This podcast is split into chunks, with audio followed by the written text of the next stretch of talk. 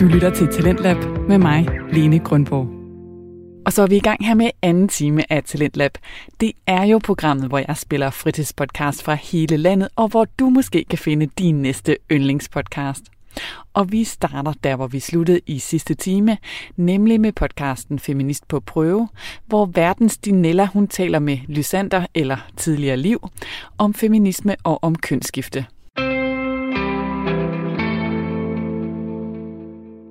Være, øh, jeg ved godt, at teenage-drenge er nogle gange lidt irriterende, men de er meget forvirrede, så du ved, behandle dem sødt. Ej, det ved jeg ikke. Altså, jeg kan virkelig mærke det. Altså, nu er jeg gået rundt i verden i sådan et år og blevet behandlet som en teenagefører. Fordi nu er jeg 22, men jeg ligner stadigvæk ind på 17 på grund af min testosteronbehandling. Ikke? Altså, du ved, jeg er stadigvæk den der pubertære altså fase, ikke? hvor jeg sådan er stadigvæk lidt androgyn, så når folk går ind i en butik for eksempel, så bliver jeg behandlet som en teenage-dreng. Og jeg kan virkelig mærke, at der er nogle butikker, jeg går ind i, hvor de der eksperienter bare sådan kigger efter mig med sådan had i blikket, ikke? Ja. Fordi jeg tror, de har forventet, at, at du ved, teenage er ude på ballade eller så videre. Løjer. Præcis, ikke? Og det er jo super synd, fordi at, at, at hvis man så, ja, altså det er jo hele den der med, hvis du bliver behandlet på en måde, så øh, altså, kan du tit være sådan, du bliver frustreret, ikke? Altså, øhm, du bliver lige nødt til at fortælle mig det, som du fortalte mig, da du kom ind af, ja, af døren. Ja, ja, da du øh, skulle jo. gå vejen ned fra 5C. Ja, jo, altså, jeg har jo lagt mærke til, at jeg, øh, det gjorde jeg for et år siden, jeg, at da jeg begyndte at passere, så lægger jeg, lader jeg mærke til, at kvinder behandler mig meget, meget anderledes, end da jeg øh, placeret som en kvinde. Altså, make sense, selvfølgelig. Men, øh, men da jeg var på vej ned fra 5C, så øh, går jeg bag en kvinde, øh, og på et tidspunkt, så går hun over på den anden side af vejen. Og hver gang det sker, fordi det skete et par gange, så får jeg sådan et whiplash af sådan, gud ja, det, altså, det er fordi, jeg er en fremmed mand, det er mørkt udenfor, og du ved, selvfølgelig går hun over på den anden side.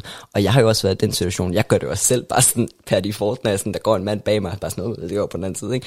Øhm, og, og det er sådan, altså alle de der ting, som ændrer sig i for, for, forhold til, hvordan folk sådan interagerer med mig, er super, super spændende, men det kommer altid som et chok. Altså jeg, der var et par gange, hvor jeg bare begyndte at snakke med fremmede kvinder inde i Netto, Det lyder virkelig, virkelig suspekt. det lyder bare det lyder creep, der bare sådan, hvad skal du have ja, altså, Skal du have kartoffelmos, ja, så lægger du Nej, øhm, nej, fordi at, som kvinde, så, så er det sådan en ting, der tilladt. Altså, hvis du kan sagtens snakke med fremmede kvinder. Du ved, det er sådan et hemmeligt søsterskab, vi ligesom har på en eller anden måde. Ikke? Og det kan jeg jo ikke mere. Så når sådan, hvis jeg begynder at snakke til fremmede kvinder, var de bare sådan, Ja, hvad vil du? Stop. Ja, hvad, bare fordi du vil knippe? Ja, præcis. Og jeg er i præcis samme situation, når mænd snakker til mig. Ikke? Fordi jeg tror, det er jo sådan en ting, der er blevet socialiseret. Og det er jo totalt underligt, fordi så, så bliver sådan, at det er virkelig bare sådan en kønsforvirring. Øh, fordi jeg er sådan rigtig, er det, passerer jeg ikke som en mand? Eller er det fordi, han gerne vil knalde mig? Sådan, eller, eller sådan, det, no, nej, det er bare fordi, han er venlig. Okay, øh, godt så. det, det er ikke, der er ikke noget der. Nej, fint. Øhm, så du ved, altså, hele den proces har også været total whack. Ikke? Også, som jeg sagde til dig, det med, at jeg sådan gik ud på, øh, på gaden, som om jeg sådan har været i sådan fucking sådan puppe eller eller der kom ud på sådan, Nå, nu er jeg en mand. Men nej, altså de gange, hvor jeg sådan begyndte at passere rigtigt, så lagde jeg mærke til, at der var ikke nogen, der kiggede på mig så meget mere, som det, det, det, sådan, det har været før. Altså du ved, når du er kvinde, og du går uden for de offentlige rum, så bliver du rigtig tit vurderet. Du bliver kigget rigtig meget på, at du får kommentarer osv. osv. Jeg har været der, jeg ved det. Altså, øhm, men lige pludselig var jeg bare sådan lidt anonym. Altså folk var bare sådan lidt ligeglad. Altså, og det er jo selvfølgelig, altså, mega fedt, men det var også bare sådan, at du skulle virkelig vente dig til det. Altså, jeg var også med til et rollespil, hvor at jeg var øh, sådan bartender i en bar, og, øh, og det var også udskoven det her.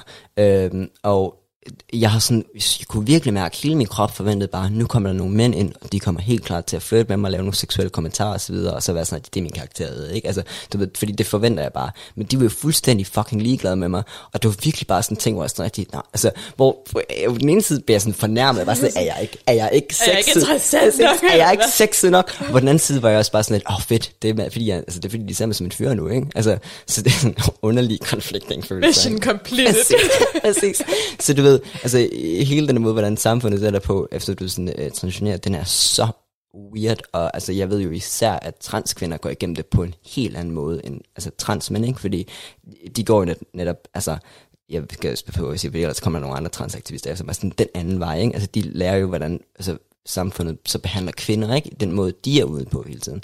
Øhm, hvor at, at altså, jeg er jo sådan, at på, på den anden side, ikke? altså lige pludselig bliver jeg bare anonym. Altså det der med at gå ud om natten klokken fucking tre om aftenen, om natten, om natten, ja om natten, om tre om aftenen, det gik nu men, om natten, det er jo sådan, og ikke skulle være bange længere, det er jo en absurd følelse. Altså det der med, at jeg bare sådan kan gå og være sådan, uhu, Skal man ja, ikke være bange, bare fordi man er mand?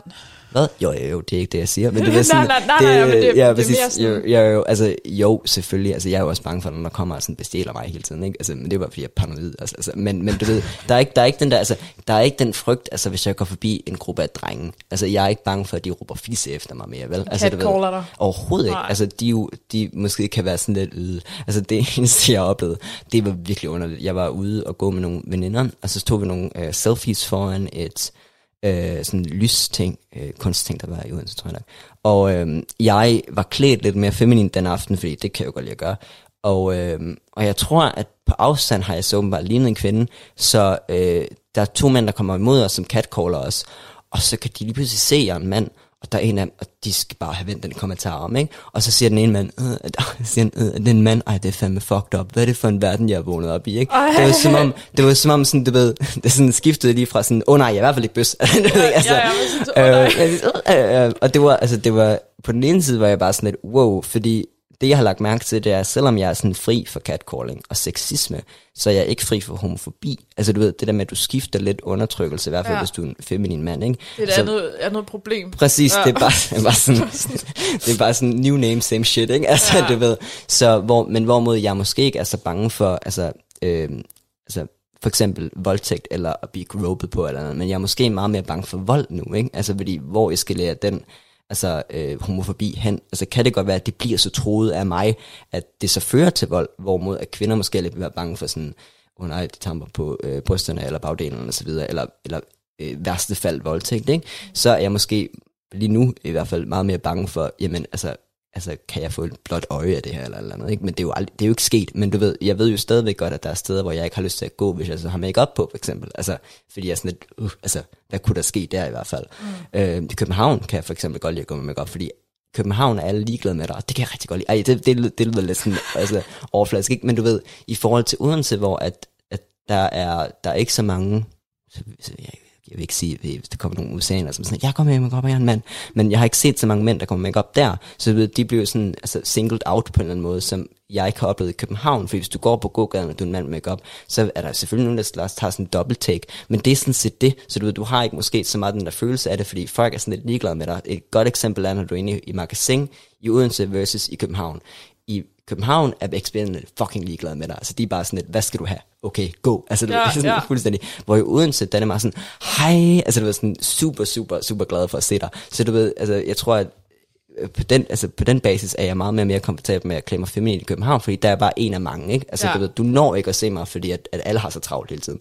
Hvorimod i Odense, der er det mere sådan, okay, de er faktisk, folk har faktisk tid til at kigge på mig, Ja. mens de går forbi mig og så De vurderer dig og tager stilling til dig. Præcis.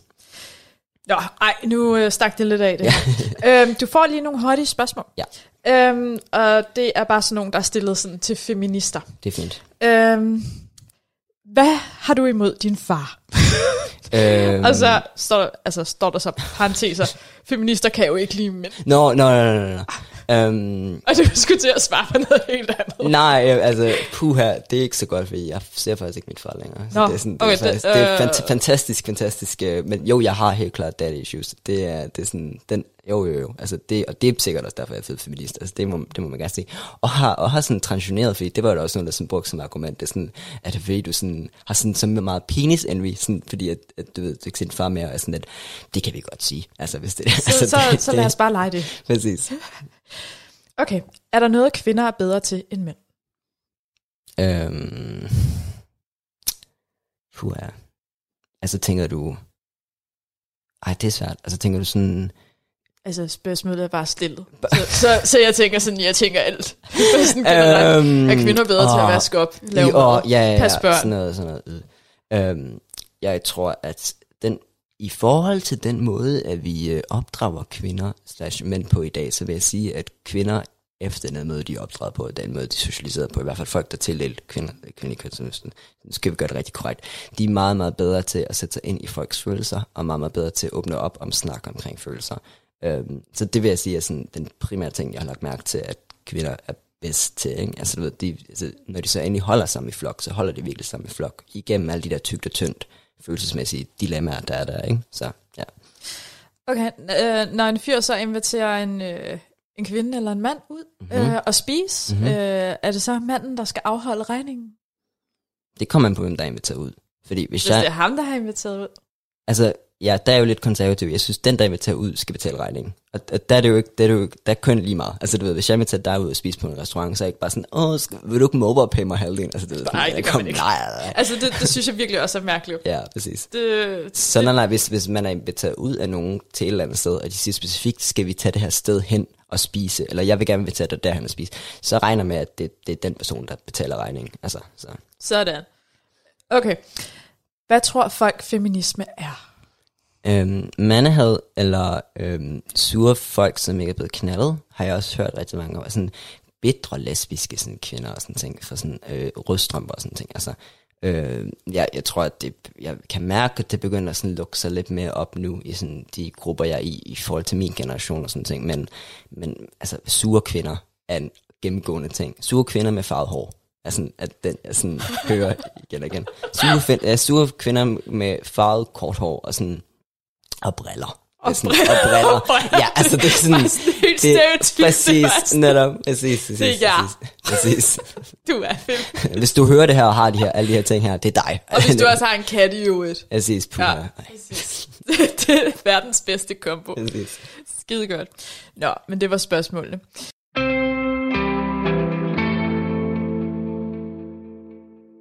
Det var altså podcasten Feminist på prøve med Stinella, som i dag talte med Lyscenter. Talentlab, det er jo programmet, hvor jeg spiller fritidspodcast fra hele landet. Og har du selv en podcast der i maven, så kan det også være, at du skal med på hullet. Udover at blive spillet her i radioen, så får alle deltagere også kurser, råd og sparring med på vejen, så de har mulighed for at udvikle sig som podcaster. Du kan læse meget mere om Talentlab på hjemmesiden radio4.dk, og det er også her, du kan sende en podcast eller en lydbid ind til os. Og så er det måske dig, som jeg spiller her i radioen næste gang. Og nu skal vi så have en improviseret fortælling. Det skal vi i podcasten Ravnens Fortællinger med Alexander Ravndal. Det er en podcast, hvor Alexander han fortæller historier, som han selv finder på. Og i det her afsnit, der får han hjælp af Liv, som hjælper ham med at fortælle historien.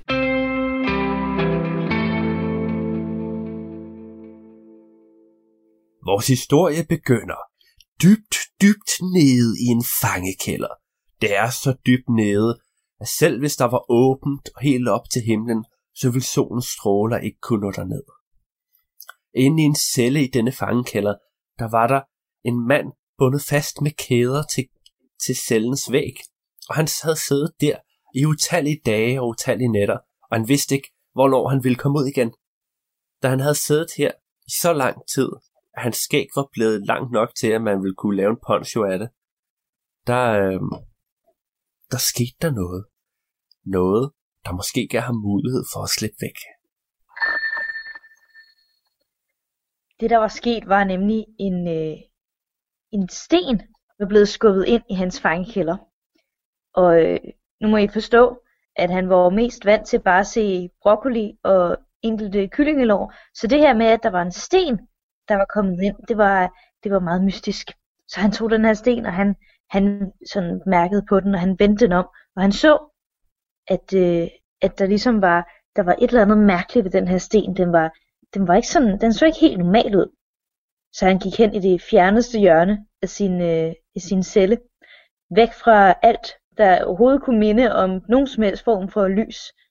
Og han begyndte sådan at vrikke med den her sæt, og han havde gemt nogle kyllinge i lårben, så han kunne også sådan lirke lidt på den, for der var ligesom sådan en kant hele vejen rundt. Og lige pludselig, så stod han med to halve, noget der lignede sten i sin hånd, men rent faktisk bare var en, en slags maskeret beholder. Indeni, indeni, Uh. der lå en nøgle. Og manden her, han var sådan helt, okay, okay, okay, det her, det, det, det var helt vildt, at han vidste ikke, hvordan han skulle håndtere det, fordi han havde godt nok set, at der var et nøglehul øh, på den anden side af celledøren, men først og fremmest skulle han jo derhen, uden at blive set, og så skulle han have den her nøgle ind. Og hvem havde overhovedet givet ham den her nøgle? Og så vidt han vidste, var der ikke nogen, sådan han kendte, eller nogen, der ville kendes ved ham, nede i den her kælder. Men han havde intet andet valg. Han måtte jo han måtte gøre et eller andet. Han kunne ikke blive hernede og leve af kyllingen over broccoli. Yes. Øhm, og så stod han med den her nøgle i hånden, og inspicerede den, og den var rigtig... Det var faktisk en utrolig flot nøgle. Det var sådan om, den var, den var smø, udsmykket med både sølv og guld. Og så gik den fra, så gik den ned og hen ved hovedet, der lignede det nærmest en øh, lille kranie af en eller anden art. En skeletnøgle. Det var super mærkeligt, men også super flot. Og han vidste ikke, om den rent faktisk passede hertil. Men hans lænker sad jo fast i væggen, så han havde svært ved egentlig at nå hen til, øh, nå hen til, til døren, celledøren. Og selv hvis han kunne, så kunne han jo ikke løbe ud, så længe han sad fast i de her lænker. Så han, han gemte nøglen i hans enkelte klæder inde i skægget. Og så begyndte han ellers at prøve at smøre sine arme så meget han kunne med, med hvad hedder det, med spyt og med, med, med fedt og sådan noget, og prøvede ligesom at se, om han kunne hive dem ud af de her lænker, mages, mages og hive. Og han forsøgte, han forsøgte så lang tid, så det føltes som om, at hans hånd skulle til at gå i led. Det gjorde helt vildt ondt, og han havde lyst til at skrige. Men hvis han skreg, så ville der helt sikkert komme nogen og opdage, hvad han havde gang i. En gang imellem, når der kom patrulje forbi, så blev han nødt til lige at stanse og sætte sig og se helt miserabel ud igen. Og så kunne han fortsætte, når de var gået forbi. Og han forsøgte i timevis at hæve. I timevis. Og i dagvis er noget, der føles som overviste. Altså det var det nok ikke, men det føltes sådan. Og det gjorde simpelthen så ondt, og han var, at han, altså han følte sig lidt ligesom øhm, hende der Elastic Girl, der bare kunne strække sine arme. Fuldstændig sindssygt. Det ville være lettere, hvis han kunne det. Ja, det havde været nemmere, det er rigtigt. Det kunne han altså ikke, men han følte lidt sådan, at hans arme bare var uendelig så meget, han havde strukket i dem. Øhm, og så, han ved ikke, om det var dag eller nat, jo, men lige pludselig på et tidspunkt, så var der ligesom, der var en skygge øh, foran hans celledør. Og det var han jo vant til, men den her skygge stod stille. Og det var jo noget nyt. Og den, var så, den kom sådan tættere på, og lige pludselig kunne han høre en stemme, der var sådan, hey, hey, meget lavmældt, men alligevel sådan halvaggressivt. Så han, øh, han turde ikke rigtig krybe tættere på, han sad bare helt stille, håbede på, at han ikke blev opdaget. Og skyggen var sådan, hey, jeg kan se dig, kom her, kom her, jeg vil hjælpe dig. Øh, Uh. Så manden, han, han kryb sådan lidt tættere på. Og den her skygge var ligesom, det var, øh, han vidste ikke, han tænkte ikke, det var et menneske. Øh, han vidste ikke rigtig, hvad det var, men det var sådan iklædt en stor, lang kutte, så han kunne ikke rigtig se øh, ansigter eller noget som helst. Men det var sikkert på højde med et menneske. Og skyggen var øh, til sådan, du, du laver for meget larm. Du, du bliver opdaget på den her måde. Kom her. Kom her med dine hænder. Og, og manden, han, øh, han havde ikke rigtig andre valgmuligheder. Altså, så han stak sådan hænderne ud gennem trammen. Og den her skygge stak sin øh, noget lignede fingre, men rent faktisk bare var sådan, de lignede rødder, i stedet for fingre, sådan ud hen imod ham, og, øh, og lirkede ligesom de her, øh, de her hængsler af hans hænder og hans ben. Og så kryb man straks tilbage. Og så kryb manden straks tilbage i cellen, fordi hvad var den her my- mystiske skabning? Var den fjendtlig? Altså, den havde selvfølgelig hjulpet ham, og den sagde, han ville hjælpe ham, men kunne man overhovedet stole på nogen hernede i fangekælderen? Han vendte sig mod væggen et øjeblik, og tog mod til sig til at konfrontere hans tilsyneladende nye hjælper. Og så vendte han sig om, og så var skabningen forsvundet. Pist væk. Og nu stod manden der, i cellen. Det eneste han havde, det var nøglen, resterne af de gamle, af de gamle mad, han havde fået ind. Men lænkerne var fri. Så nu, nu kunne han teste nøglen. Han tog den. Han gik hen til døren og tog den ud igennem. Han kunne lige stikke armen ud igennem trammerne og åbne noget fra. Klik, sagde det. Og døren åbnede op, men den knirkede rimelig meget, mens den gjorde det. Han håbede så inderligt, at der ikke var nogen af skabningerne, der havde hørt det her. Så tog han nøglen og gemte den i sit skæg, bandt det lille knude på skægget, og så listede han ud på lette, lette tog. Og han gik ned ad gangen.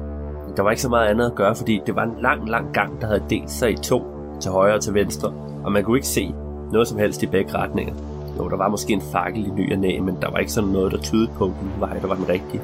Så han gik bare sted igennem det halvdunkle mørke. Og han håbede håbede, at han ikke ville støde på nogen, for der var ikke noget sted at gemme sig her.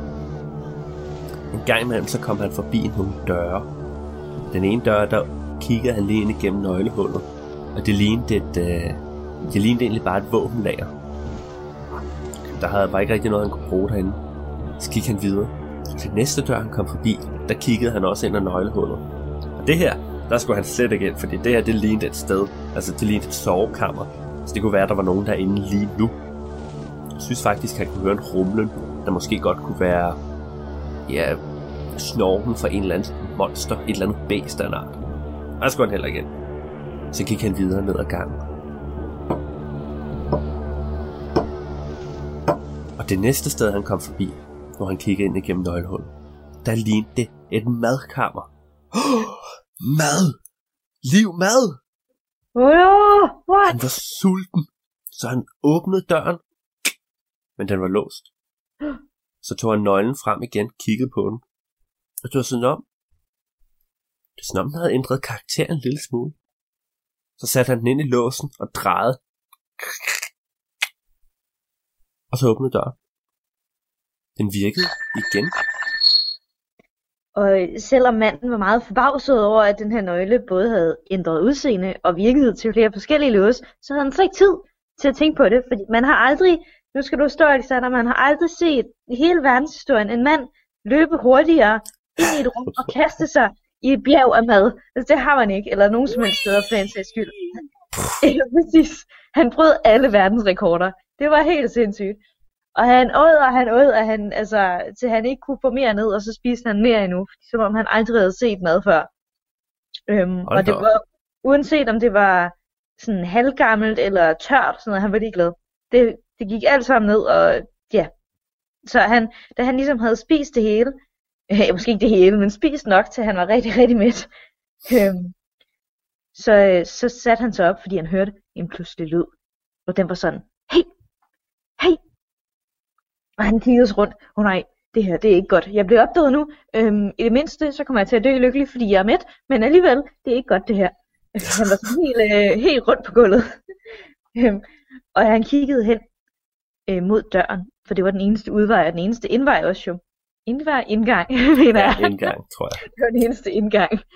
Øhm, så så han nogle krogede fingre, eller noget, der lignede rødder, øhm, kom ind ad døren. Og han, øh, han både var skræmt, men han var også lidt lettet, fordi det her var trods alt, lignede trods alt det væsen, der havde hjulpet ham. Og væsenet var igen sådan, hey, hey, du laver for meget larm. Kom med mig. Manden, han var sådan, "Ah, okay. Så han rejste op, og han begyndte, øh, han begyndte sådan at samle lidt mad, fordi man ved aldrig, hvornår man ligesom får mere, ikke? Og det der væsen kom bare hen og slog sådan alt den der mad ud af hånden på ham, og sådan, du har ikke tid, kom med mig, nu. Øhm, og manden, han, ja, men altså, ja, det er de åbenbart, de her væsener. Det er de nu. Så manden, han måtte jo, øh, han måtte jo følge med, øh, og det gjorde han. Og de kom ned forbi flere døre, indtil at de på et tidspunkt hørte en lyd. Og det var meget mærkeligt, for der havde ikke kunne høres nogen særlig mange lyde andet end de her fodtrin og lyden af fakler, der sitrede lidt. Og det lød, det lød som vand. Det lød som vand, Alexander. Som ved, vand. sådan- Ja, sådan grislen. Og manden, han havde ikke sådan fået særlig meget vand det sidste meget lange tid, stykke tid. Så han var sådan helt rundt på gulvet. Og han løb bare i retning af det her vand. Og væsenet var sådan, hey, hey.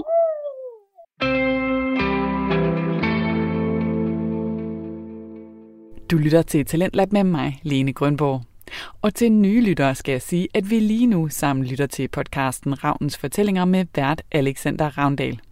Det er altså podcasten, hvor han fortæller improviserede historier, og i dag der får han hjælp af liv.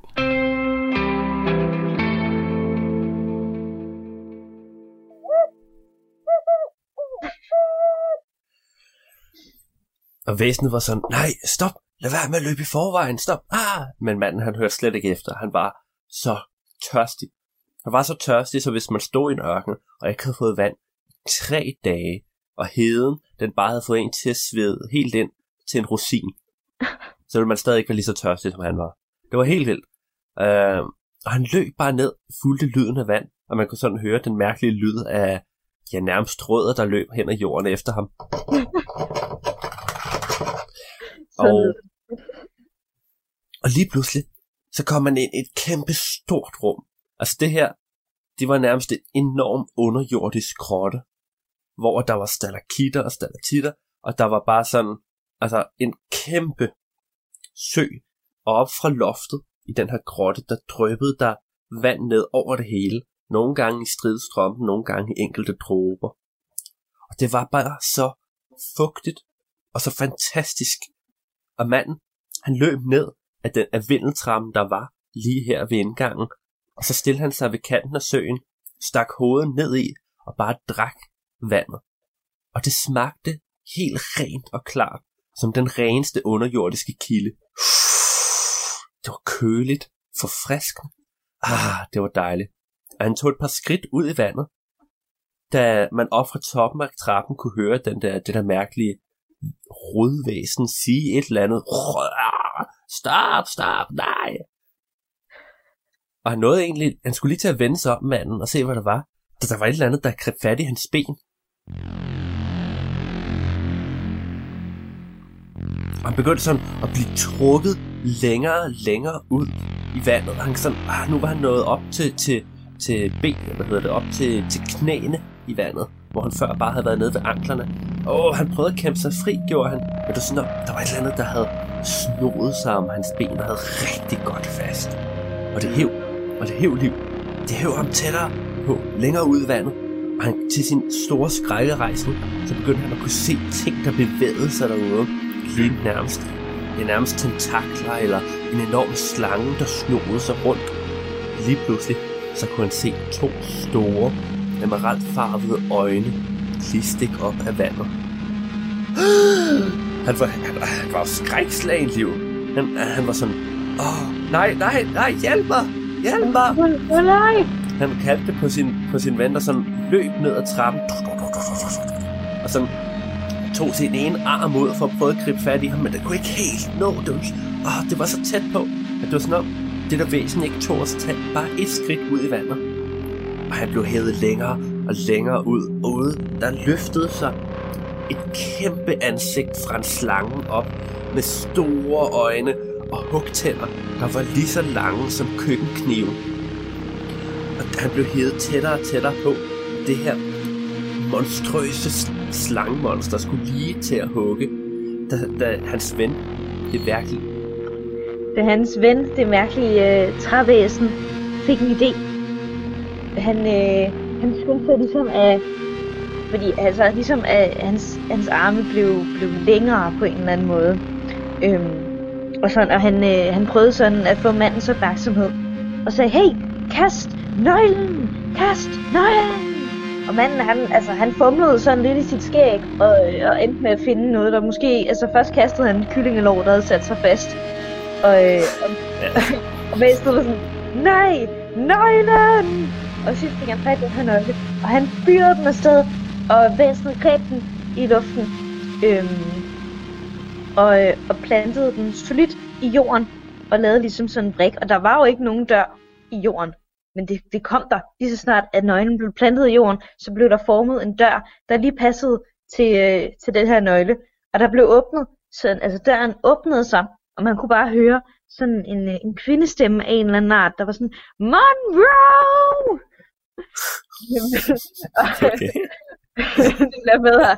Manden her, øhm, men hvis han ikke havde været stiv og skræk før, og det var han jo, men han blev det om ikke andet mere, fordi at det her slangevæsen, der havde fat i ham, kunne han se, og stansede de pludselig midt i sin bevægelse, øh, og kiggede sig sådan forfjamsret omkring. Og det der skete, og nu bliver det vildt, Alexander, nu må du høre, Okay, jeg er det der klar. var, at øh, op ad den her dør, der var i jorden, kom et andet slangemenneske, sådan halvt op, og, øh, og satte sig om, hvis man kan forestille sig det med sine tentakelarme i siden, og var sådan, Monroe, du havde lovet mig, at du ville være hjemme til aftensmad, og det er nu to somre siden. Hvad er det, der sker med dig? Og, øh, altså, Åh, oh, nej. Åh, oh, nej, stakkels slangvæsen. Ja, slangevæsenet Monroe her var i øh, lidt i problemer nu. Øhm, og han var sådan, ah, men, men øhm, Birgit, det er, jo, det er jo fordi, at altså, du ved, det har, jeg skulle også lige hygge med venner, og så fandt jeg det her væsen, og kan jeg nu ikke lige... Nej, du kommer hjem lige nu, Monroe. Og det gjorde han. Så måtte han jo slippe manden. Der var ikke så meget rafle om der. Øhm, Åh, puha. og uanset om manden var, han var helt rundt på gulvet, og øh, var sikker på nu to gange i træk, tre gange i træk i dag måske, at han skulle være død og faktisk mirakuløst overlevet, øhm, så skyndte han så egentlig bare at padle ind til sit, øh, sit trævæsen ven agtige var sådan, "Åh, hvordan, altså, åh, tusind tak. Øhm, og det her trævæsen sådan, slog ham bare i ansigtet, sådan, det gør du aldrig mere. Du, du gør, hvad jeg siger, du gør aldrig det der igen. Og, øh, og manden har var sådan, okay, okay, det er ked af, det er ked af, jeg var så tørstig. Okay, Nu skal I forestille jer sådan en super lang monolog, hvor ham manden han bare lå og prøvede at bortforklare, hvor, hvorfor han havde opført sig så dumt. Altså, det endte med at tage flere minutter, og det der trævæsen, det gad bare ikke at høre på ham mere. Det vendte sig om og gik lidt væk derfra. Og mens det gjorde det, så, øh, jamen altså, så rejste manden sig op, og sådan prøvede sådan, åh, det var egentlig ret koldt at være råd ud i alt det her vand, så han prøvede sådan at ryste det ud af skægget og vride det, vride skægget, og så, altså han kunne vride det, så der høj, sådan, i hvert fald to liter vand ud af. Men så var der noget. En fuldstændig forfærdelig lyd. For prøv at forestille dig, at du er fanget i en fangekælder, dybt, dybt under jorden. Du ved ikke, hvor langt væk du er fra friheden. Og så kan du høre, ikke et, ikke to, men rigtig, rigtig mange fodtrin kom lige imod dig. oh, nej. Og det kom op fra der, hvor de var kommet ud, ud op fra gangen. Og det lød, det lød som, som, som personer klædt i pladerustning, der var i løb ned igennem en probelagt underjordisk gang. Det lød ikke særlig godt. Det lød som døden, der kom. Og manden, han kiggede bare på, på trævæsenet og var sådan, vi bliver nødt til at komme væk herfra. Og trævæsenet vendte sig om og sagde, ja, og så løb de. Ellers rundt langs øh, kanten af den her underjordiske sø, og de løb, og de løb, og de løb. Og det, da de nåede rundt hele vejen hen til den anden side af, af den her underjordiske grotte, så kunne de sådan lige ane nogen stikke hovedet ud op ved gangen. Og så sådan, okay, vi bliver nødt til at gemme os her. Og de prøvede sådan, de, de gemte sig mellem alle, alle stalaktitterne, alle stenene og sådan noget, og prøvede at se, om der var nogle, øh, om der var et sted, de kunne komme ud, men de kunne ikke finde et. Uh, det var ikke godt. De lå helt stille, så langt nede de kunne, og de kunne høre stemmer. Nogen, der råbte, øh, det lød som militærkommandoer, og så løb de rundt og, og undersøgte området på den anden side af søen. Og det lød sådan om, at de havde delt sig i to, og gik hver sin vej. Og øh, man kunne høre de to sådan grupper af mennesker, eller grupper af, af soldater, var det jo nærmest, der sådan råbte til hinanden, find dem! Vi prøver! Find dem hurtigere! Vi prøver hurtigere! Og det var sådan, altså, øh, de var ikke særlig glade for at arbejde sammen, kunne man godt mærke. Og der var lige så meget stresset og øh, tung stemning, sådan, der, der blev råbt ting som, han bliver vred, hvis de ikke bliver fundet, og, øh, og øh, det var dit job at passe på dem her, øh, Karsten. Det er simpelthen for dårligt.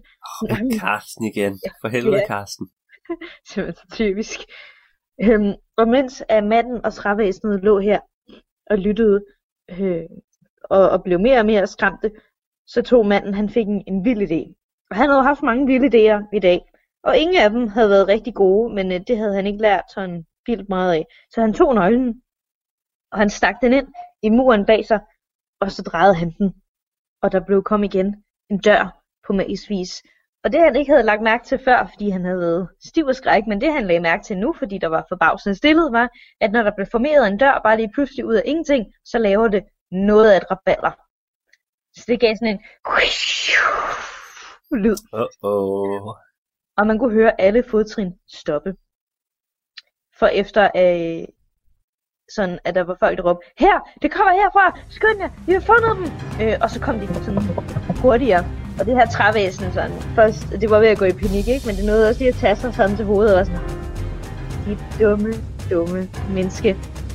Men de havde ikke rigtig andre valgmuligheder, end bare at gå igennem den her dør. De skyndte sig, og øh, de nåede lige, da de kom ud på den anden side, så nåede de lige at smække den i hovedet på soldaterne, hive nøglen ud, og døren forsvandt. Uh. Og det eneste, der nåede at komme igennem, var øh, sådan en halv arm fra en af soldaterne, der bare lå sådan på den anden side. Øh. Helt lydløst. Og det, der så skete nu, det var, at manden og trævæsenet, de kiggede sig omkring. Og det gik op for dem, at det, de stod i, det var ikke en gang, men det var ved toppen af en trappe. En trappe, der gik nærmest, altså, man kunne ikke se bunden. Det virkede sådan, at den gik uendelig langt ned i dybet. Og manden var bare sådan, ej, vi skal jo ikke ned i dybet, jeg vil gerne op og fri. Og trævæsenet det vendte sig mod ham og gav ham en ordentlig losing. Det er din egen skyld. Kom, vi bliver nødt til at gå derned. Vi kan ikke bruge nøglen her, så kommer vi måske tilbage. Oh. Og så gik de skridt for skridt ned ad den her gang, ned ad den her trappe. Men hvad de ikke lagde mærke til var, at armen fra soldaten, den langsomt fulgte efter. Og da de havde gået i hvert fald 5 minutter ned ad den her trappe, der var de sådan om, så kunne de ane, endelig ane bunden dernede. Oh, puha. Og manden han skulle lige til at gå i forvejen, da trapvæsenet bare hæv ham i, øh, hæv ham i skægget og sagde, nej, nej, nej, nej, du går bag mig. Og så gik trævæsenet først forsigtigt. Det var utroligt, at, at væsen, der var lavet af træ, kunne snige sig sådan afsted. Men det var virkelig, virkelig lydløst, den gik ned ad trinene. Og da den var helt nede ved bunden, så kiggede den sig omkring. Og så vinkede den til manden, at han skulle komme nærmere. Og det gjorde han. Og så kiggede han også ud. Og det var et, et en, det var endnu et stort kammer, men der var helt mørkt. Det var sådan om, der, der i den anden ende af rummet var en enkelt fakkel, man kunne se, men man kunne ikke se, hvad der var mellem her og der.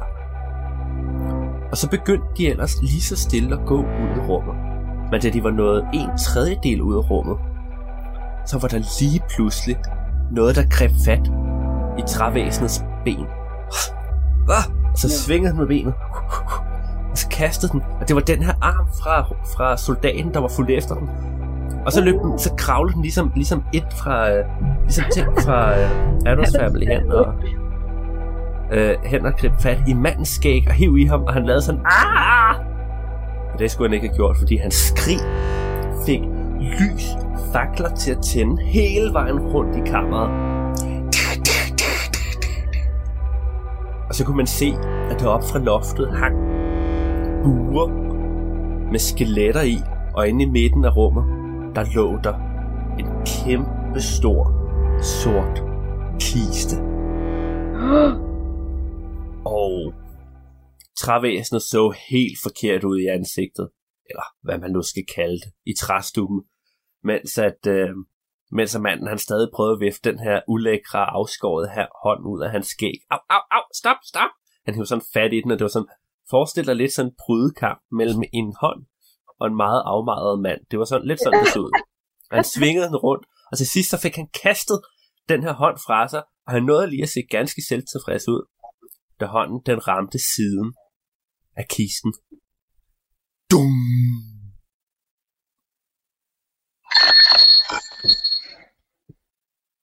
Og det man, øh, altså, det man hørte efter lyden af hånden, der ramte kisten med dong, det var en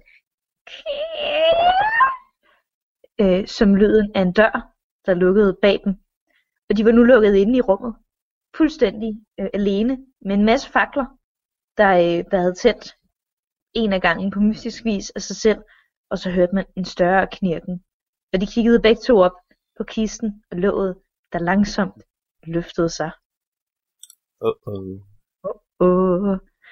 Og det låget øh, havde løftet sig fuldstændig og svævede sådan 3 meter eller sådan noget over kisten. Det havde løftet sig lige op i luften. Øhm, så kunne de se noget, der bevægede sig inde i kisten, der ligesom satte sig op, og de, de kiggede op, og det var, det var ikke en mumie eller noget, men det var ligesom en kæmpe stor vampyr, der havde sat sig op, gned sig i øjnene, øh, og råbte ud i lokalet, hvem våger at vække mig fra min evige søvn? Og, øh, og træmonsteret, manden kiggede sig sådan omkring, og træmonsteret, det var ingen steder at se. Altså sådan, måske, det lagde manden ikke mærke til, men hvis man virkelig havde kigget godt efter, så havde det sådan, øh, trævæsenet havde sådan lænet sig godt op af, af sådan nogle øh, træ, hvad hedder det, øh, stolper, og ligesom gået et, ligesom sådan en kameleon Uh. gået et med, ikke? Det er smart. Øh, Det er faktisk smart, og det kunne manden ikke, for der var ikke rigtig menneskeformede stolper nogen steder. Nogen steder. Øhm, så han stod bare der midt på gulvet, og kunne ikke rigtig gøre andet end, øh, han, han skyndte sig egentlig bare, det var en dum idé igen, øh, alle hans idéer har været indtil videre, men han løb ind til midten, og stillede sig i skyggen under kisten, for så tænkte han, at så kunne vampyren måske ikke se ham. Og det Så var en, en øh, vampyr, der ikke kan se mørke, eller hvad? Ja, nej, fordi han stod jo under kisten, og vampyren stod Nå. sad stadig i kisten, så så skulle den kigge under sin kiste. Okay. Øhm, og vampyren, det, altså det virkede lidt, fordi vampyren sådan kiggede rundt i lokalet, og kunne ikke se nogen nogen steder. Øhm, hvor til den bare udbrød, jeg bliver irriteret, jeg kan lugte dig, lille mand. Uh-oh. Og øh, manden, han, altså, han lugtede lidt på nuværende tidspunkt. Han havde ikke fået et bad tid, og han var også øh, rigtig stiv og skræk. Øhm, og nok havde sådan noget koldsved og sådan noget. Så vampyren, han var sådan, kom frem, eller kom aldrig frem igen, eller sådan noget.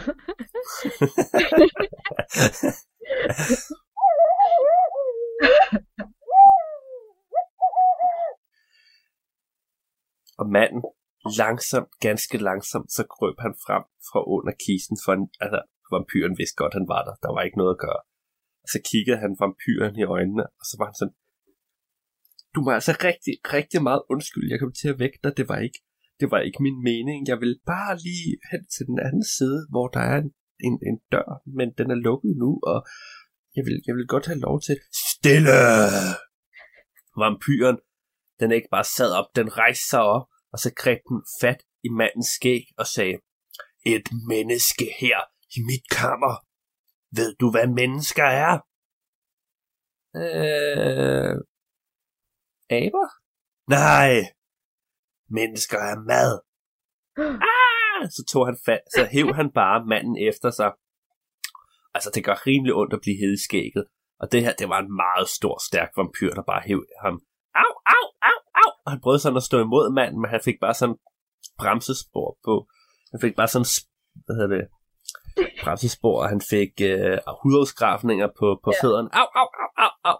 Sådan ind igennem bunker af knogler og sådan noget fra andre mennesker. Au!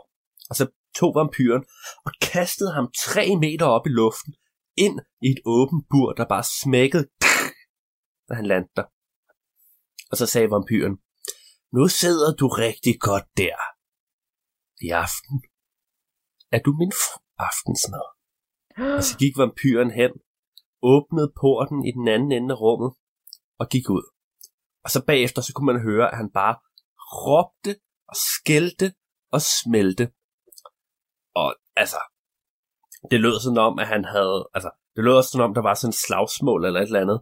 Og så lige pludselig så sprang døren ind igen, og så kom han, øh, så kom vampyrene gående ind, med, mens han havde fat i en af vagterne.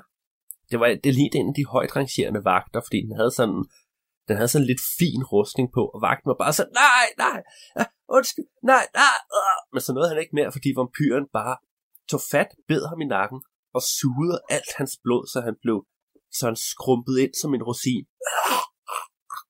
Plok. Og så lå han der på jorden, fuldstændig død. Og så gik vampyren hen og lagde sig ned i kisten igen og lagde låget på. Klong. Og nu sad manden jo der oppe i det her bur, og han var bare sådan, altså han klaprede tænder så højt, så han var bange for, at han ville komme til at vække vampyren igen.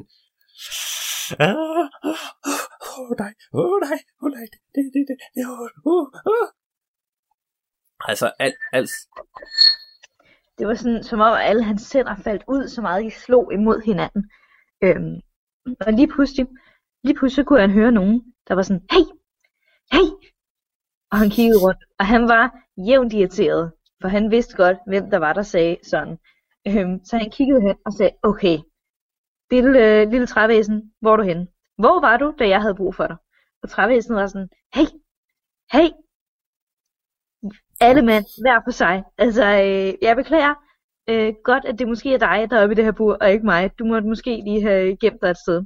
Og manden, han var sådan, prøv at høre, jeg kan ikke bare gemme mig et sted, det er dit job at hjælpe mig. Og, de, og så havde de ligesom en episk diskussion øh, i et par minutter, hvor efter at trævæsenet sådan, var den fornuftige af dem og sagde, okay, prøv at høre her, øh, den kan vi tage senere.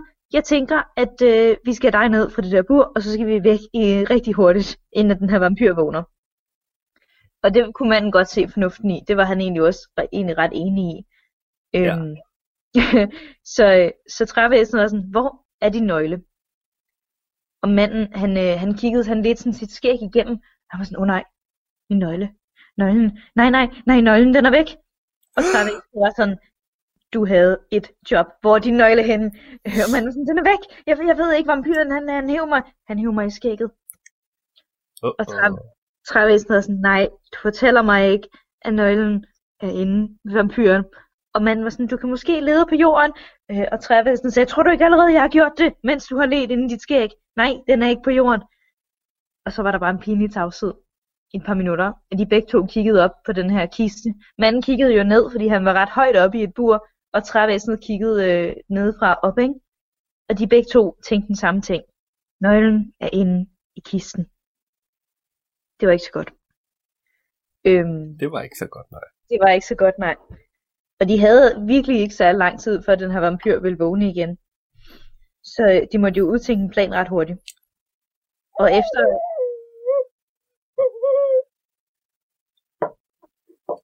Og efter et lille øjebliks tid, så sagde trævæsenet, okay, okay, prøv at høre mand. Vi, vi, vi laver to opgaver, hvor jeg løser den ene opgave, du løser den anden. Og mand var sådan, ja, ja, ja, ja. Okay, og min opgave er, at jeg, øh, jeg sniger mig hen, og jeg åbner meget forsigtigt en lille bit smule til kisten, og så stikker jeg en af mine grene ned, og får fat i nøglen, for jeg kan gøre det meget forsigtigt. Okay? Og manden var sådan, ja, ja, ja, og hvad er min opgave? Trævæsenet klipper om, din opgave er at sidde helt stille og holde din mund. øh, jamen, det ved jeg ikke helt. Shh. Jamen, jeg ved ikke. Shh. Okay. Shh. Træ, om, og, og træmonsteret, eller trævæsenet, det tog sådan en af sine arme, gjorde den rigtig lang, og bandt en lille knude mellem overskægget og, og hovedskægget på, på manden, så han sådan ikke rigtig kunne åbne munden. Mm. Ja. Og så gik trævæsenet på listetog hen til kisten. Og det man, altså, hvis ikke det havde været så uhyggelig en situation, så havde man måske begyndt at kunne høre lidt Mission Impossible musik i baggrunden. Fordi det der skete, det var, at trævæsenet ganske forsigtigt skubbede til kistens låg. Og det var altså en, en virkelig tung, et virkelig tungt låg. Gjorde det helt forsigtigt, uden at lave en eneste lyd. Lige, så man lige akkurat kunne se fødderne på, på vampyren ligge dernede, og det lå helt stille. Okay, og så tog den sin ene gren og stak ned og af, gjorde den ligesom lidt aflang og forsøgte stille og roligt frem og tilbage. Og så på et tidspunkt, så fandt grenen noget, og så, så og trævæsenet nåede lige se helt glad ud, og så hævde den det ud, og det var en kollektion af, det var sådan, en, det var sådan en, et billedblad fra øh, alt for damerne, det var sådan helt vildt mærkeligt. Det var sådan en beskrivelse af, hvordan man sådan laver en rigtig efterårskollektion, og øh, hvad den nyeste efterårsmode var, og sådan noget. Trævæsenet var bare sådan, hvad? Sådan kastet derover over, skulderen. Okay, så måtte okay. Og så ned med armen og søge frem og tilbage, og den fik fat i noget, og det føltes ikke som et dameblad den her gang, det føltes, der var sådan, der var sådan et, noget aflangt, og så var der, ja, det kunne godt være en nøgle, og så tog den op, og det var en kop, hvorpå der stod, verdens bedste vampyr. Jo. Så nej, og så skulle den lige tage kast med det, men så gik det op for den, åh oh, nej, det var nok ikke en god idé, så satte den meget forsigtigt ned. Og tredje gang er lykkens gang, det ved du godt. Bare ikke i det her tilfælde. Ja, faktisk så skulle der hele 10 gange til, før at, øh, før at trævæsenet fik fat i nøglen. Og ind, altså der har nået at hive flere dameplader op. Den har nået at hive en, uh, en DVD med de bedste workout-rutiner op. Den har nået at, at finde uh, en halskæde, hvor sådan en man kunne åbne, og inde i så var der et billede af en eller anden kvindelig vampyr, der var sådan klædt helt vildt meget ud med sådan en mærkelig hvid hat på og sådan noget. Det var super mærkeligt, men til sidst, så fik den fat i skeletnøglen, som nok engang havde ændret karakter. Oh. Og så tog trævæsenet nøglen, lukkede låget ganske forsigtigt til igen, og gik hen til, til buret, hvor manden sad i. Kastede nøglen op til manden, der kunne tage den og åbne lågen, og faldt, faldt, ja, altså faldt ud af det her bur. Og så tog trævæsenet fat i mandens skæg, fordi nu, nu skulle det bare gå stærkt, og manden var sådan, uh, uh, for det var stadig bundet fast rundt om hans mund. Og så løb de hen til, til porten, og porten var låst, så de tog nøglen, klikkede og løb ud af den og smækkede døren efter sig. Og, og nu gik det stærkt, kan du tro. De løb, løb, løb, løb. Og så var der nogle trapper, der gik op af. Perfekt, så løb de op ad trapperne. Og ind i et kæmpe rum. Og ind i det her kæmpe rum, der var der bare sådan tusind vagter, der sad og var i gang med at spise mad. Og de havde siddet og larmet og danset og spillet musik. Men det øjeblik, manden og trævæsenet løb ind, der stansede al lyden, og så kiggede de alle sammen på dem. Øh? Og så tog, de, så tog manden og trævæsenet bare sådan, og sådan to skridt baglæns. Og så drejede de til højre ned en anden gang, og så kunne man bare høre hele salen bare rejse sig op, gribe fat i deres våben og løbe efter sig.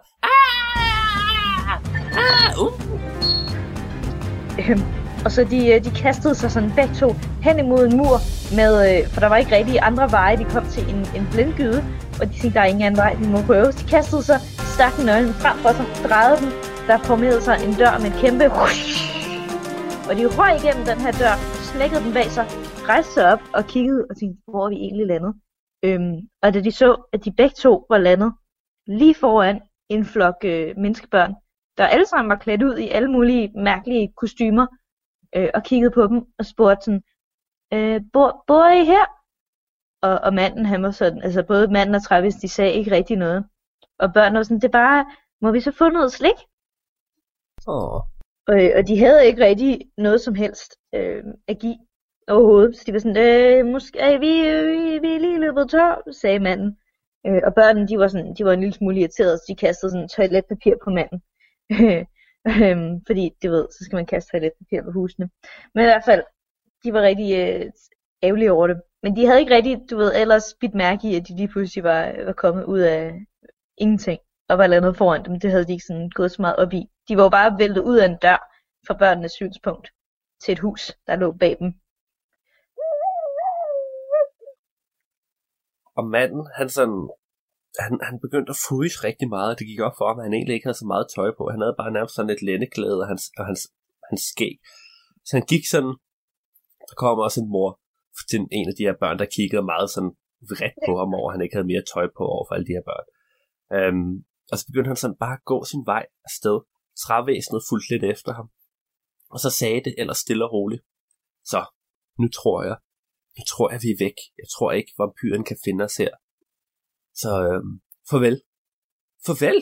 Vil du efterlade mig her? Ja, jeg, jeg vil efterlade dig her. Jeg øh, bliver nødt til at komme tilbage, hvor jeg kom fra. Øh, og prøve at se, om jeg kan befri nogle flere fanger. Jamen, hvad skal jeg så gøre? Jeg. Så manden kiggede rundt omkring. Hvad, hvad med... Jamen, der er jo ikke... Altså, og så vendte han sig om, og så var træmonstret væk. Åh. Og så gik manden stille og roligt ned igennem byen. Det var ikke et sted, han kunne genkende. Han havde ikke været her før. Det var tydeligvis meget langt væk fra, hvor han var blevet taget til fange, og den fangekælder, han havde været i. Og det tog mange dage, men til sidst, så fandt han et sted, hvor han kunne holde til et gammelt forladt hus. Og dag efter dag, så fik han bygget det op. Dag efter dag, så begyndte han at slappe mere og mere af. Det var sådan om, ja, efter lidt tid, så begyndte han at kunne føle sig tryg igen. Og han, øh, han fik så på et tidspunkt et job inde ved den, som, som lokal sneker, og det gik egentlig meget godt i flere år. Men øh, sådan en aften, da han lå i sin seng og sov, og han havde, han sådan, han havde tændt op i kaminen og så lagt sig til at sove for, for at varme det op. Det var en kold vinterdag. Så syntes han, han kunne høre noget udenfor. Så han, han rejste sig op og tog en varm frakke på. Så gik han ned, og så åbnede han hoveddøren. Og så så han ude i mørket en kæmpe stor flagermus sidde i en gren over for indgangen og bare kigge